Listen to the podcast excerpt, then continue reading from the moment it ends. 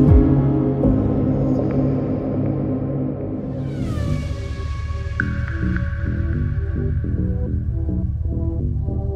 Najdroższa groza w historii motoryzacji. Dlaczego takiego. groza? Łukasz, dlaczego? Bo w sumie nie zapytałem. Jezdnia i technologicznie, i cenowo. Ale właśnie, bo dzisiaj te ceny są jakieś chore. Ja gdzieś widziałem z maja jakieś ceny po 50 milionów złotych nawet. Mówisz o F1. No.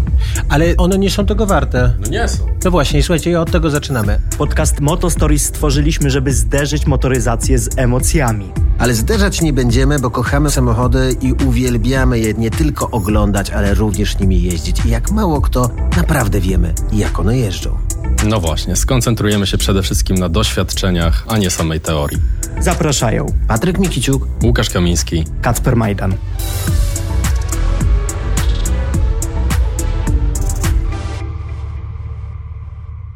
Zaczęliśmy od tego, że absolutnie nie są tego warte, nikt tego nie rozumie, nikt nie wie o co chodzi i dlaczego tak jest, a mówimy o jednym z najsłynniejszych samochodów świata, samochodów, który zapisał się z złotymi zgłoskami w historii motoryzacji, jest bez wątpienia symbolem, takim elementem pożądania dla wszystkich na całym świecie, ale według mnie jest wiele innych fajniejszych samochodów i na przykład 10 razy tańszych. Dokładnie tak. I dobra, o czym mówimy? Mówimy o McLarenie F1, samochodzie, który budzi emocje, ale dlaczego budzi emocje? Budzi emocje zwłaszcza tym, że wszyscy wiedzą, ile on jest warty.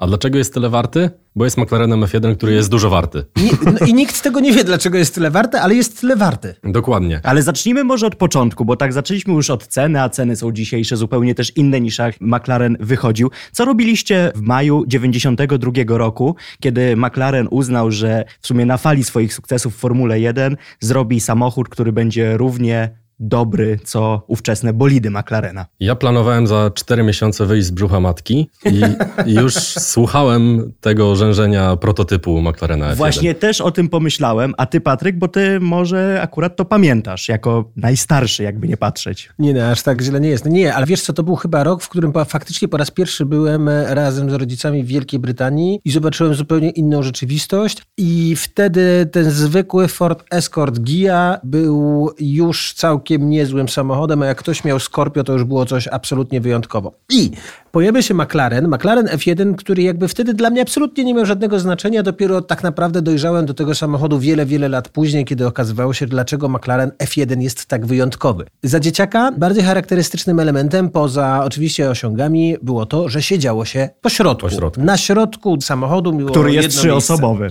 Tak. Złośliwcy mówili, że to po prostu oszczędność producenta, żeby nie robić osobnych wersji na rynek lewostronny i prawostronny. Dokładnie. No i też możesz zawsze mieć ze sobą dwie kochanki, a nie jedną, co przy potencjalnych klientach na pewno też się sprawdzało. No tak, ale one siedzą obok siebie, dwie z tyłu. No ale może to jest otwarty związek. Myślę, że to nie może nie wytrzymać tej próby. No słuchaj, tyle złota, co miałeś za plecami, mogło jednak te kochanki mimo wszystko przyciągnąć i zakopać topór wojenny. Słuchajcie, nie, ale tak naprawdę to jest fenomen, bo McLaren to jest jedna z najnowszych marek motoryzacyjnych, które się pojawiła. Można na palcach jednej ręki można policzyć dzisiaj marki, które pojawiły się przez ostatnie 30 lat i zrobiły aż tak dużo, jakby tak, dużo zamieszania na naszym rynku motoryzacyjnym. Mówię o naszym jako światowym oczywiście. I jedną z nich jest chociażby Lexus, który też był marką bardzo świeżą i bardzo nową i wkraczał Z na... przytupem wkraczał. Ja uważam, że to był dobry okres dla motoryzacji, ten przełom lat 80. Tak. i początek lat 90.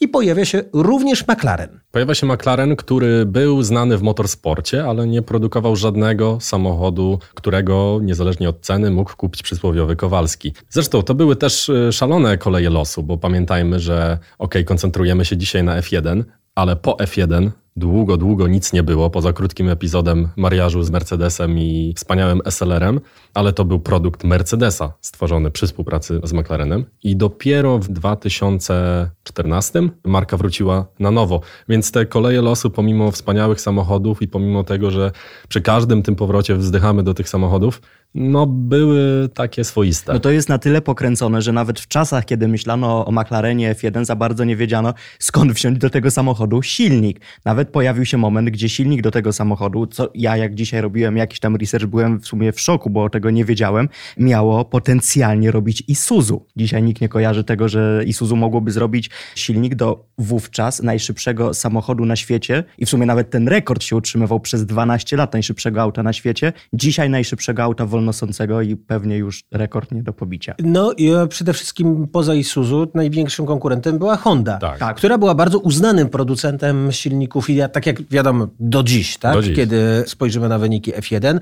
dziś znowu silniki Hondy triumfują. Tak też było te 30 lat temu. No i właśnie McLaren w sumie współpracował wówczas z Hondą w Formule 1. Niestety nie udało się przenieść tej współpracy. Wszystko poszło o cyferki, bo za projekt był odpowiedzialny Gordon Murray, po dziś dzień ceniony jako jeden z najbardziej wybitnych inżynierów, jeśli chodzi o super, hiper samochody. No i bolidy, żeby to zobrazować. W drugim sezonie w McLarenie, jak się znalazł, McLaren z 16 wyścigów wygrał 15 i to był też sezon, w którym Ayrton Senna wygrał swoje pierwsze Mistrzostwo Świata. Także no nazwisko z ogromną, bardzo wyraźną pieczęcią, jeżeli chodzi o dokonania. No dobra, ale tak czy siak silnik był oparty troszeczkę na konstrukcji, znaczy miał być oparty bardziej na konstrukcji BMW nomen omen E31, czyli 750, 850, Łukasz się 12-cylindrowy uśmiecha. 12-cylindrowca, który miał mieć 300 koni, który swoją drogą nie jest uznany za najbardziej bezawaryjny silnik świata tamtego okresu. Raczej model z 5.4 jest dużo bardziej ceniony niż ta 5-litrówka, która miała być, ale efekt był też tego taki, że w rzeczywistości ten motor został tak bardzo przerobiony technologicznie, gdzie było połączenie tytanu, aluminium i wielu najnowszych, absolutnie kosmicznych technologii, kiedy udało się stworzyć coś absolutnie wyjątkowego. No bo ten silnik miał przecież być integralną częścią auta, odpowiadającą też za sztywność samego samochodu. Tak, i w zasadzie powiązania tego motoru z BMW, zwłaszcza podkreślało samo BMW, bo McLaren na tyle przerobił tą jednostkę napędową, że ona na koniec dnia poza jakimś tam blokiem, układem cylindrów, no niewiele miała wspólnego z tą jednostką, która była używana w 850 CSI, bo to też warto podkreślić, że nie mówimy o typowej ósemce. No właśnie, no to teraz mówimy o McLarenie F1, który przez wielu jest uważany trochę za auto, mówiąc dzisiejszym językiem, przehypowane, a z drugiej strony za jedno też z najbardziej wybitnych, bo mówimy o aucie skrajnie szybkim, skrajnie hardkorowym, na przykład będącym mniejszym niż dzisiejsze Porsche Boxster. Czyli tak malutkie auto z silnikiem V12, trzymiejscowe, które ponoć, gdyby zmienić przełożenia skrzyni biegu, odkręcić lusterka i zmienić delikatnie spoiler, mogłoby przekroczyć granicę 400 km na godzinę. No ale realnie jeździło 390 km na godzinę podczas tak. e, prób. Wiesz, ten 92 rok jest taki troszeczkę rokiem na wyrost, bo w rzeczywistości ta pierwsza prezentacja odbyła się jednak dwa lata później w Monako, kiedy były te Tak. samochody produkcyjne i one były dostarczone. Ale tak czy siak, mówimy o pierwszej połowie lat 90., bo zapomnieliśmy chyba powiedzieć tak naprawdę najważniejszej rzeczy. Mówimy o silniku, o technologii. Ale to jest samochód, który do setki przyspieszał w 3 sekundy. Dokładnie. Jeździł prawie 400 km na godzinę. Wyglądał, może się podobać lub nie, ale według dzisiaj trąci myszką ta Tak. linia, taka kanciastość tego Ale wozu. na przykład te szyby, które są po bokach, ponoć są przez to podzielone, że auto miało do tego stopnia duży docisk, że ówczesna technologia tworzenia szyb, po prostu przy tym docisku, przy prędkości ponad 300 km na godzinę, po prostu te szyby mogłyby pękać. To też jest coś dzisiaj w sumie niespotykanego, bo dzisiaj większość superkarów przekroczy 300 km na godzinę, a wówczas no to było wyzwanie. No wiesz, inaczej też podchodzono do tego, bo były oczywiście już tunele aerodynamiczne, bo wykorzystywano chociażby w lotnictwie, można było to badać, ale jakby nikt do końca też nie wiedział, co się będzie działo. Pomyśl na przykład o oponach, które były na początku lat 90. stosowane. Wyprodukowanie opon w tamtych latach, które będą odpowiednio homologowane do prędkości prawie 400 km na godzinę, no to jest oczywiście jakaś abstrakcja. Jakby, wiesz, o tym się nie mówi. Natomiast jak, nie wiem, Bentley produkuje samochód, który jeździ 300 km na godzinę, to musi mieć opony, które są dedykowane konkretnie do tego egzemplarza i jakby producent też musi homologować, ok, tym samochodem możesz bezpiecznie jechać do tych 300 km na godzinę. 300, 350, wiesz, dzisiaj kupujesz opony z tymi z różnymi znacznikami, ale weź na początku lat 90. postaraj się znaleźć homologowane opony do 400 km na godzinę. Ale to nawet dzisiaj nie jest taka do końca abstrakcja. No przecież Bugatti, bijąc ostatnie jakieś swoje rekordy prędkości, też uznaje uznało, że gdyby miało lepsze opony i bardziej dostosowane do tej prędkości, to najmocniejszy Chiron byłby w stanie pojechać jeszcze szybciej, ale po prostu też nie pozwoliły na to opony. Ale tak czy siak, opony wtedy do Veyrona Chirona kosztują dzisiaj zestaw 80 tysięcy złotych, z tego co Tak. pamiętam. Właśnie dlatego, nie ze względu na sam rozmiar, który może być nietypowy, charakterystyczny, bardziej lub mniej, ale właśnie ze względu na to, że są to opony, które są przygotowane, przystosowane do tak potężnych, tak dużych prędkości. A propos opon, to ostatnio pamiętam, ja miałem taki moment, w którym zobaczyłem też absolutnie wyjątkową rzecz. Na początku lat 90. był taki niezwykły samochód jak Opel Lotus Omega, który również miał dedykowane opony tylko i wyłącznie do tego modelu i one miały taki znaczek Omega, które miały wytłoczone na tej oponie. W związku z tym, że to był samochód, który też miał tam 450-470 koni, jeden z najszybszych. I miał na zegarach 300 na godzinę. No. No i miał na zegarach 300 na godzinę i mało tego jeździłem tym samochodem na oryginalnych oponach z lat 90.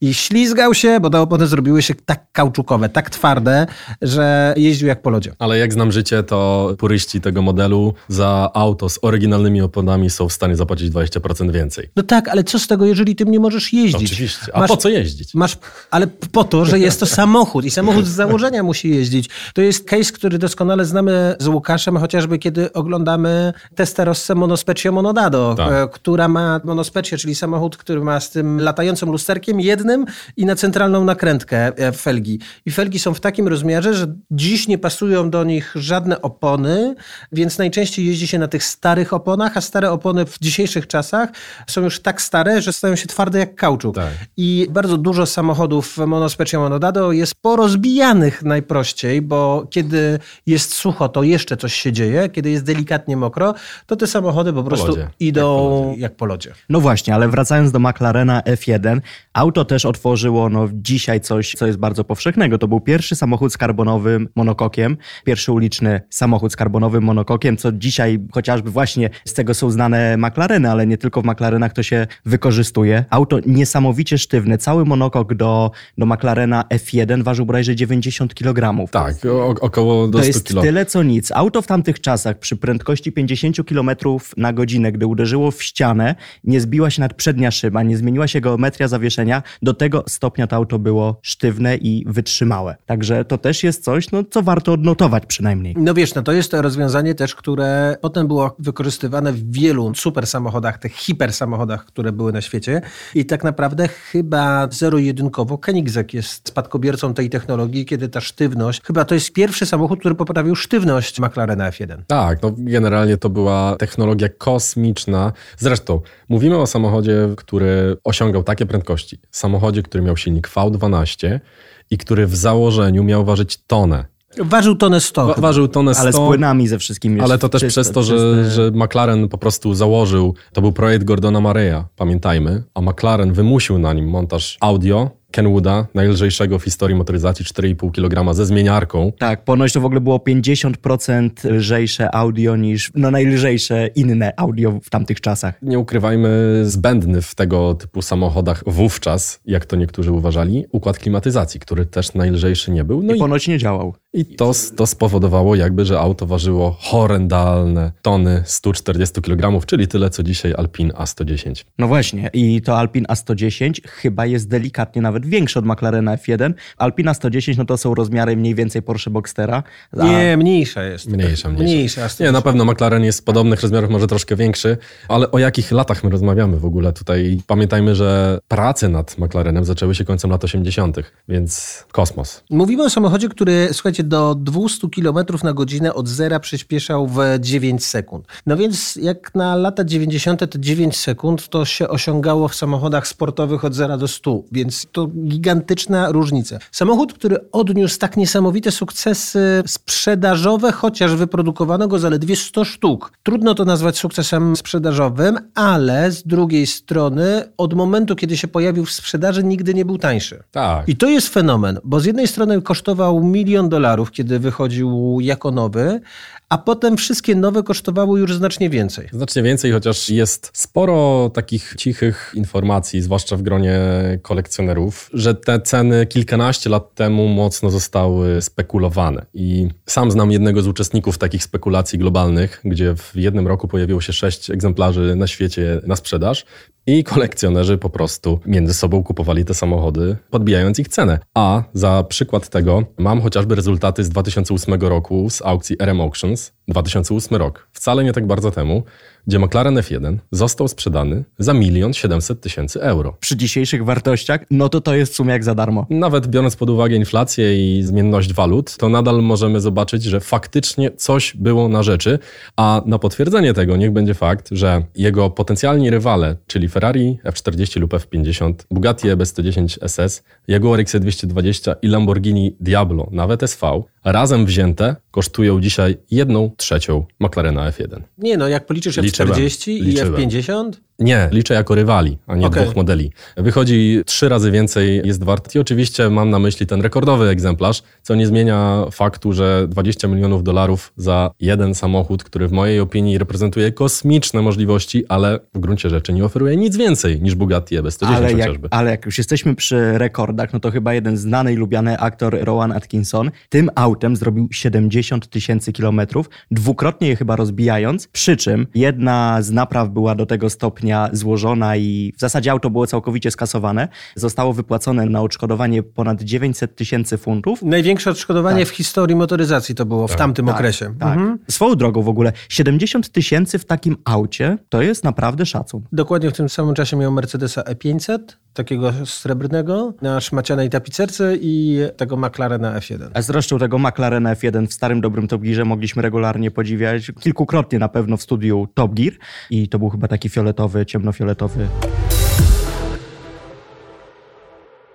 No dobra, to teraz chłopaki powiedzcie mi, co się stało później. No bo był McLaren F1, jakby było piękne wejście na motoryzacyjny rynek, i dalej coś, co się raczej rzadko kiedy zdarza, kiedy wejdziesz z takim wielkim przytupem. Można powiedzieć, że trzeba wiedzieć, kiedy ze sceny zejść. McLaren zszedł z sceny w mojej opinii w takim dość hołdzie, bo pamiętajmy, że w 1995 roku McLaren zajął dwa pierwsze miejsca w wyścigu Le Mans do którego wcale nie planował się przygotowywać, natomiast wymusili to na nim klienci i takie auto w zgodzie ze specyfikacją gotował do Le Mans. Przygotowań takiego auta McLaren podjął się, trwało to zaledwie kilka miesięcy. Dwie pierwsze pozycje, pozostałe egzemplarze, które jechały też całkiem niezłe rezultaty. No i później w zasadzie trochę specjalnych edycji, edycja chociażby właśnie LM, pięć sztuk, która była stworzona na cześć sukcesów w Le Mans. A to z Le Mans to w ogóle nie było tak, że McLaren, żeby spełnić w ogóle wymogi, które wówczas spanowały, musiał w sumie nałożyć kaganiec na ten samochód i trochę zmniejszyć jego moc? Tak, tak. To... W zasadzie oni go jedyne, co tam zrobili tak naprawdę, to oni go trochę obniżyli i zmniejszyli moc.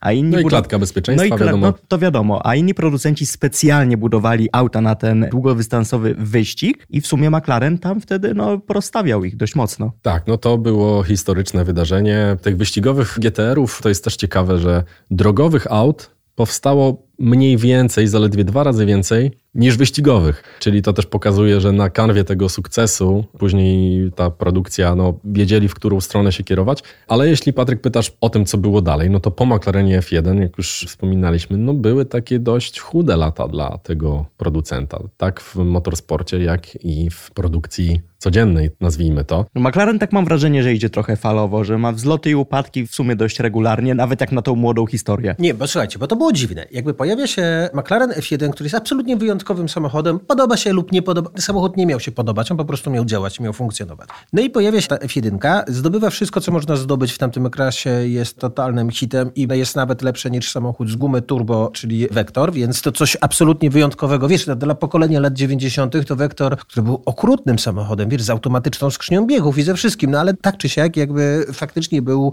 przez te gumy turbo wysławiany jako najlepszy samochód świata. Potem jest wielka cisza, bo tak naprawdę McLaren F1 według mnie troszeczkę do dzisiaj nawet nie dostał swojego następcy, nie wprowadził tak dużo zamieszania. Nawet kiedy weźmiemy P1, która jest hipersamochodem i faktycznie należała do tej trójki najlepszych samochodów świata w pewnym okresie. To jest samochód, który jest o 10 lat młodszy, a w rzeczywistości jego osiągi wcale nie są o 10 lat młodsze od McLarena F1. Przyspieszenie do setki jest dosyć podobne, tam różnica jest chyba 2 0,2 sekundy. Faktyczna różnica jest między 0 a 200, bo jest 2 sekundy różnicy, no to już jest dużo. Natomiast prędkość maksymalna wcale nie jest większa niż 390 km na godzinę. Samochód jest oczywiście bardziej dopracowany, bardziej wyjątkowy w technologii, ale on już nie zrobił tak dużego zamieszania, tak niewiarygodnego zamieszania, jak zrobił F1. No bo mimo wszystko wydaje mi się, że McLaren, to co jest dość oczywiste, no przy produkcji F1 ten samochód miał być wybitny i tam w zasadzie się nikt za bardzo w jego produkcję nie wtrącał. On miał być zaprojektowany w 3 lata i to było jedno z głównych wymagań co do projektantów, ale tak na dobrą sprawę przy projektowaniu było hulaj dusza piekła nie ma. Przy McLarenie P1, chcąc nie chcąc, w dzisiejszych czasach ta kalkulacja po pierwsze musiała wejść w grę, po drugie, no też mówimy o aucie, które jest dużo większe, dużo cięższe. To też jest zupełnie, mam wrażenie, że już inna półka, inne czasy, inne oczekiwania i też przede wszystkim inne wymogi, chociażby ekologiczne. Owszem, McLaren F1 musiał również sprostać wymogom ekologicznym, bo uznano, że dużo potencjalnych klientów mieści się w Kalifornii, więc warto w końcu, czego na przykład Diablo nie mogło sprzedać auto w Kalifornii, żeby sprostać tamtejszym wymogom, ale no dzisiaj przy McLarenie P1, no to te wymogi też już były zupełnie co innego. Tutaj w sumie to, o czym czasami też tam wspominamy, no kaganiec na producentów dzisiaj jest dużo bardziej nałożony niż wówczas. No dobra, no ale tak czy siak, po McLarenie F1 dla mnie najbardziej znaczący samochód to jest SLR McLaren w gamie Mercedesa. Czyli tak. ich wspólne dzieło, stworzenie samochodu, który w tamtym czasie zrobił bardzo duże zamieszania na rynku. I do dzisiaj w sumie zawsze wzbudza no, skrajne, pozytywnie emocje. Tak, chociaż nie do końca wiadomo tak. Po pierwsze, przede wszystkim nie miał rywali, bo uznawało się, to była w ogóle taka dość komiczna sytuacja na rynku, bo wtedy były trzy, no można z dzisiejszej perspektywy powiedzieć, hiperkary. Enzo Ferrari, które oczywiście po dziś dzień i wówczas było hiperkarem, Porsche Carrera GT, która była na takim przełamaniu, i właśnie Mercedes SLR, niekiedy nazywany Mercedesem McLarenem SLR. I te auta, co ciekawe, początkowo kosztowały mniej więcej te same pieniądze. Dzisiaj za Enzo kupimy pewnie trzy SLR-y, jeśli nie cztery. I Porsche Carrera GT to jest też Ale w połowie to jest tej w ogóle stawki. mega ciekawy wątek, dlaczego tak jest, że nagle ten SLR jest w sumie tak dużo tańszy od swoich potencjalnych przynajmniej konkurentów, kiedy w przypadku McLarena F1 no to jest w ogóle jakaś kosmiczna cena. Z prostego powodu, ilość wyprodukowanych egzemplarzy. SLR był samochodem, którego wyprodukowano więcej niż samochodów konkurencji, więc dlatego też między innymi jest samochodem, który jest nieco tańszym, co nie oznacza, że jest samochodem tanim, bo ciągle Tak. dziś jest autem ekstremalnie drogim. Chociaż swoją drogą McLaren SLR był w związku z tym, że to było połączenie jednak z Mercedesem, wiesz, jakby autorem tego był Mercedes, który używał technologii McLarena do stworzenia, to był w tamtym okresie jedynym hipersamochodem, który był naprawdę skonstruowany, który był Tak. naprawdę zbudowany, który był naprawdę przemyślany. Jeden z samochodów niskoprodukcyjnych, niskoseryjnych, który jakby był samochodem wprowadzającym, nie wiem, bezpieczne strefy zgniotu, monokok, który rozbijał się na takie części, jakie powinien się rozbić i tak dalej. Zresztą w Polsce były dwa duże wypadki z SLR-em, który pokazywał, że faktycznie to zadziałało, bo gdyby to było jakiekolwiek inne auto, to by nie działało, nie funkcjonowało. Ale czy tam nie było też później jakiegoś konfliktu z Mercedesem i z McLarenem? Tak, przez co chociażby nagle się okazuje, że do dzisiaj do SLR-ów w zasadzie nie ma części zamiennych. No nie ma. To był tak, konflikt taki zbrojny trochę, że w ramach tej współpracy przy rozejściu kontrakt mówił o tym, że żeby korzyść była po obydwu stronach, to część maszyn należało po prostu zniszczyć i to, co zostało po prostu wyprodukowane jako set części zamiennych, to było na półkach u dealerów, więc przez kilka lat właściciele nie mieli z tym problemu. Natomiast dzisiaj podobnie zresztą było z Maybachem pierwszej generacji, do których po dziś dzień nie da się nigdzie kupić ani naprawić alternatora. To dokładnie to samo było z SLR-em. Ale troszkę się zagalopowaliśmy. Swoją, wiesz, swoją drogą, wiecie ile, bo w SLR-ze bardzo różne rzeczy różnie kosztują. Technologia, z, nie wiem, skrzyni, silnika, faktycznie silniki, które wcale nie byłyby zawaryjne, tylko miały swoje wady konstrukcyjne. Często są nie do naprawienia, opłaca się bardziej kupić drugi samochód na silnik, pomimo tych bajońskich sum, setek tysięcy euro, kiedy mówimy o, o tych samochodach, to czasami opłaca się bardziej kupić samochód drugi, żeby mieć silnik, a nie budować tamten. Natomiast i rozumiem koszty i technologię. Natomiast w SLR-ze McLarenie na przykład jest parę takich rzeczy, które są dla mnie absolutnie fascynujące. Jak na przykład, zgadnijcie ile kosztuje boczek do drzwi. Boczek, taki wytłoczka, która jest. Obstawiam, że kilkanaście tysięcy euro pewnie. No, ja jak Łukasz tak obstawia, to też mam najlepsze rozeznanie, a pewnie wyjdzie, że jest drożej. To chyba 40 tysięcy złotych w polskim salonie. No ja pamiętam, że moi znajomi, kończąc już ten motek, bo pamiętajmy, że rozmawiamy o McLarenie F1, kupili, po prostu dowiedzieli się od McLarena, że musieli zniszczyć te maszyny, kupili wszystkie rozbite wraki, jakie były SLR-a w Europie Potem ładnych parę lat żyli z tych części, z tych wraków i na przykład maska używana z mechanizmem potrafiła kosztować 90 tysięcy euro, a drzwi też charakterystycznie otwierane 45-60 tysięcy euro. Także no, to były No bo jak policzysz, że 30 tysięcy euro sam boczek, sam boczek tak. No to te drzwi okazują się okazją. Natomiast tak czy siak, słuchajcie, ja nawiązuję do kolejnych modeli też dlatego, żeby pokazać, czym był McLaren F1, bo MP4 12C, który był pierwszym takim popularnym, dostępnym McLaren McLarenem, nazwijmy to dostępnym, ale był takim pierwszym w miarę seryjnym McLarenem. Dzisiaj zresztą dość przystępnym cenowo. Najtańszy. Bez wątpienia jest to najtańszy samochód, który jest. Bardzo kontrowersyjny, jeżeli chodzi o urodę, kiedy się pojawił, bo to były czasy, kiedy faktycznie on troszkę wyprzedzał epokę, bo dopiero potem okazało się, że to można powiedzieć, że się przyjęło i że to działało i funkcjonowało, a był to 2011 rok. To był samochód, który dla mnie był bardzo idealny niezwykle szybki, bardzo perfekcyjny, ale bez tego wyjątkowego pazura, który powinien mieć. Tego, co miało na przykład Ferrari 458. Wchodziłeś do tego samochodu i on był piekielnie szybki. Tam się wszystko zgadzało, tylko odczuwałeś to w momencie, kiedy patrzyłeś na prędkościomierz i widziałeś wskazówkę prędkościomierza. Patrzyłeś na tego i naprawdę on tak szybko się napędza, ale nie czułeś tego. Nie miałeś takiego poczucia, jakby był taki pozbawiony tych emocji, mimo tego, że jeździłem nawet wersją wzmocnioną przez gębale.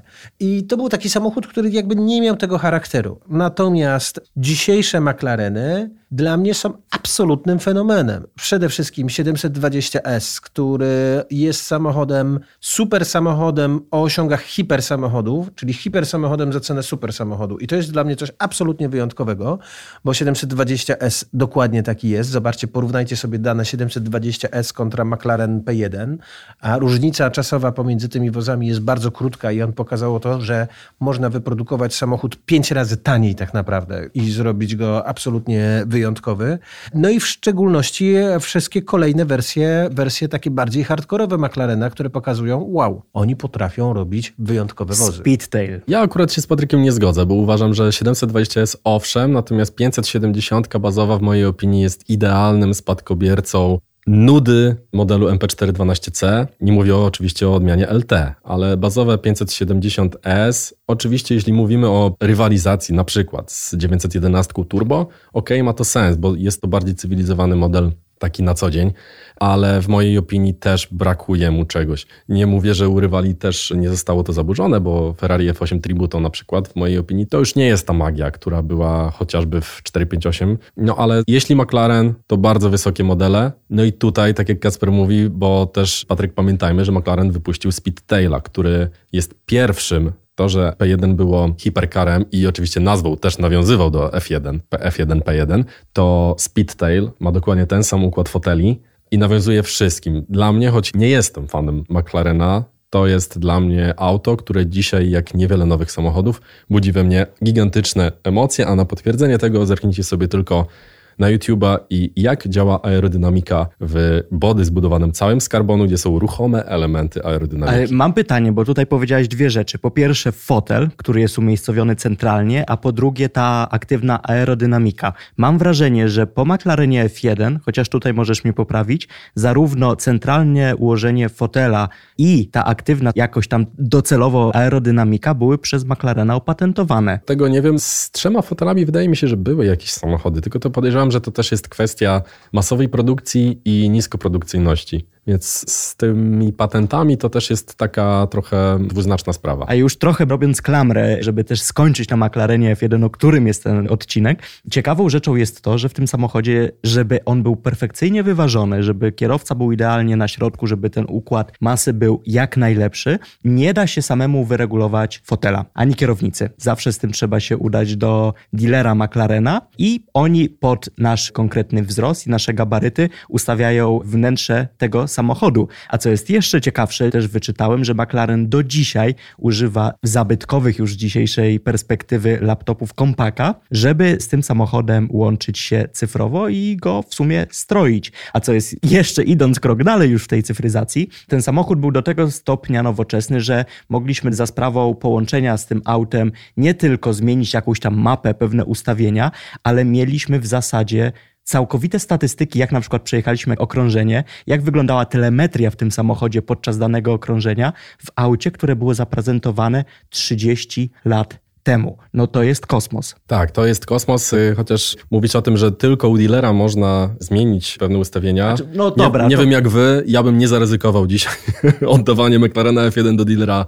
McLarena, ale to może też przez pewne moje przeświadczenia. Ale z drugiej strony fajne jest to i jakby musimy to przyznać, że McLaren też jest jedną z marek, które całkiem niedawno pojawiły się na polskim rynku. Tak, jak najbardziej. I jest marką, która faktycznie jest w Polsce i możemy w Polsce przyjść, zamówić, kupić McLarena na, gwarancji fabrycznie nowego na sfinansowaniu, nie musimy jeździć do, do, nie, Niemiec, do, do Niemiec chociażby, czy do czeskiej Pragi. Więc jakby też jest firmą, która tak czy siak, zobacz, zabrała sporo klientów, chociażby Porsche. Tak, jak najbardziej, ale to też jakby cały cykl rozwojowy McLarena wydaje mi się, że rzutował na to, bo wspomniana przeze mnie 570 z której trochę się naśmiewam, bo oczywiście jest to nadal samochód marzeń i to jest wspaniały samochód, ale piję do tego, że wejście do jakiegokolwiek Ferrari nadal budzi troszkę więcej emocji, jeśli chodzi o 570. Jeszcze raz podkreślę, nie LT i nie 720. To owszem, to jest właśnie model globalny, i taki w cudzysłowie kompaktowy, który ma zbierać klientów bardziej powszechnym, nazwijmy to marką. Chyba, że masz do czynienia z McLarenem Senną albo Elwą.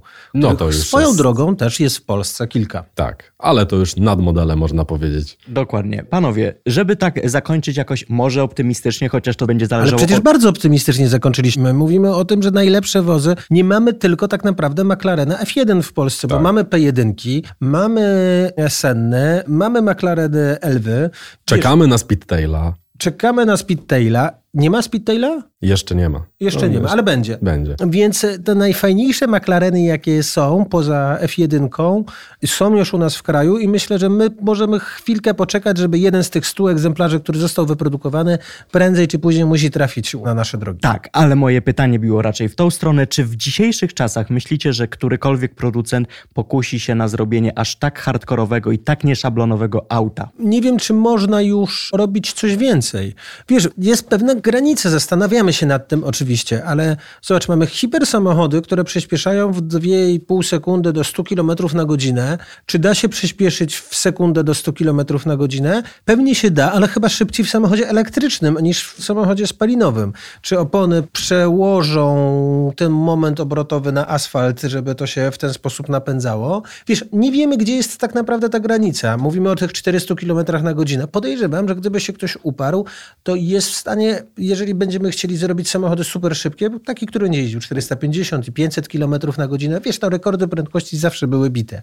Ale gdzie jest granica? Granica już została już przekroczona. Oczywiście, jeśli chodzi o prędkość maksymalną, to granic w zasadzie nie ma, bo nawet Bugatti Divo, przecież wedle zapewnień producenta... Ma jeździć 500, Ma tak? jeździć 500 km na godzinę i myślę, że to będzie szło dalej i dalej. Oczywiście to będą obostrzenia dotyczące miejsca, w którym można to robić, ale podobnie jak Patryk uważam, że po prostu w cudzysłowie, McLaren F1 miał łatwiej się z przebiciem. Miał dużo trudniej z wyprodukowaniem i ze stworzeniem takiego samochodu, bo wcześniej takiego auta nie było, ale miał łatwiej z przebiciem się, bo właśnie takiego auta wcześniej nie było. A z drugiej strony bierzesz dzisiaj i tworzysz samochód, który jest samochodem elektrycznym i ma takie osiągi jak McLaren F1. I jeszcze jedziemy tym samochodem z rodziną na tak, wakacje. Tak, tak. No dokładnie. Za to te samochody nie mają lamp z Lamborghini Diablo z tyłu, tak jak McLaren F1. Czym... Ani silnika z BMW. No, silnik silnik nie jest z BMW, ale bazuje na BMW, o czym mówiliśmy, ale to jest też w ogóle ciekawe, bo znam jedną anegdotkę, gdzie jeden jegomość z Francji miał kolizję McLarenem F1 i poszukiwał tylnych lamp przez, uwaga, 6 lat. I ani McLaren nie był w stanie mu tego zapewnić, ani wszelkie inne poszukiwania. Oczywiście, jak można się domyślić, koszt takich lamp nie był problemem. I dopiero jakieś tam lokalne spotkanie właścicieli samochodów otworzyło jego mościowi oczy, że w Lamborghini Diablo są dokładnie te same lampy z tyłu. Dobrze, że nie takie jak w Ursusie. Także dziękujemy. To jest pozytywne zakończenie tego odcinka. Zresztą odcinka o aucie kompletnie, kompletnie inny niż wszystkie, co mam wrażenie, że Wam udowodniliśmy. No i dziękujemy Wam i słyszymy się już niedługo w kolejnym odcinku. Dziękujemy, że słuchasz naszego podcastu. Nie zapomnij nas zasubskrybować, ocenić w Apple Podcast i porozmawiać z nami w QA na Spotify.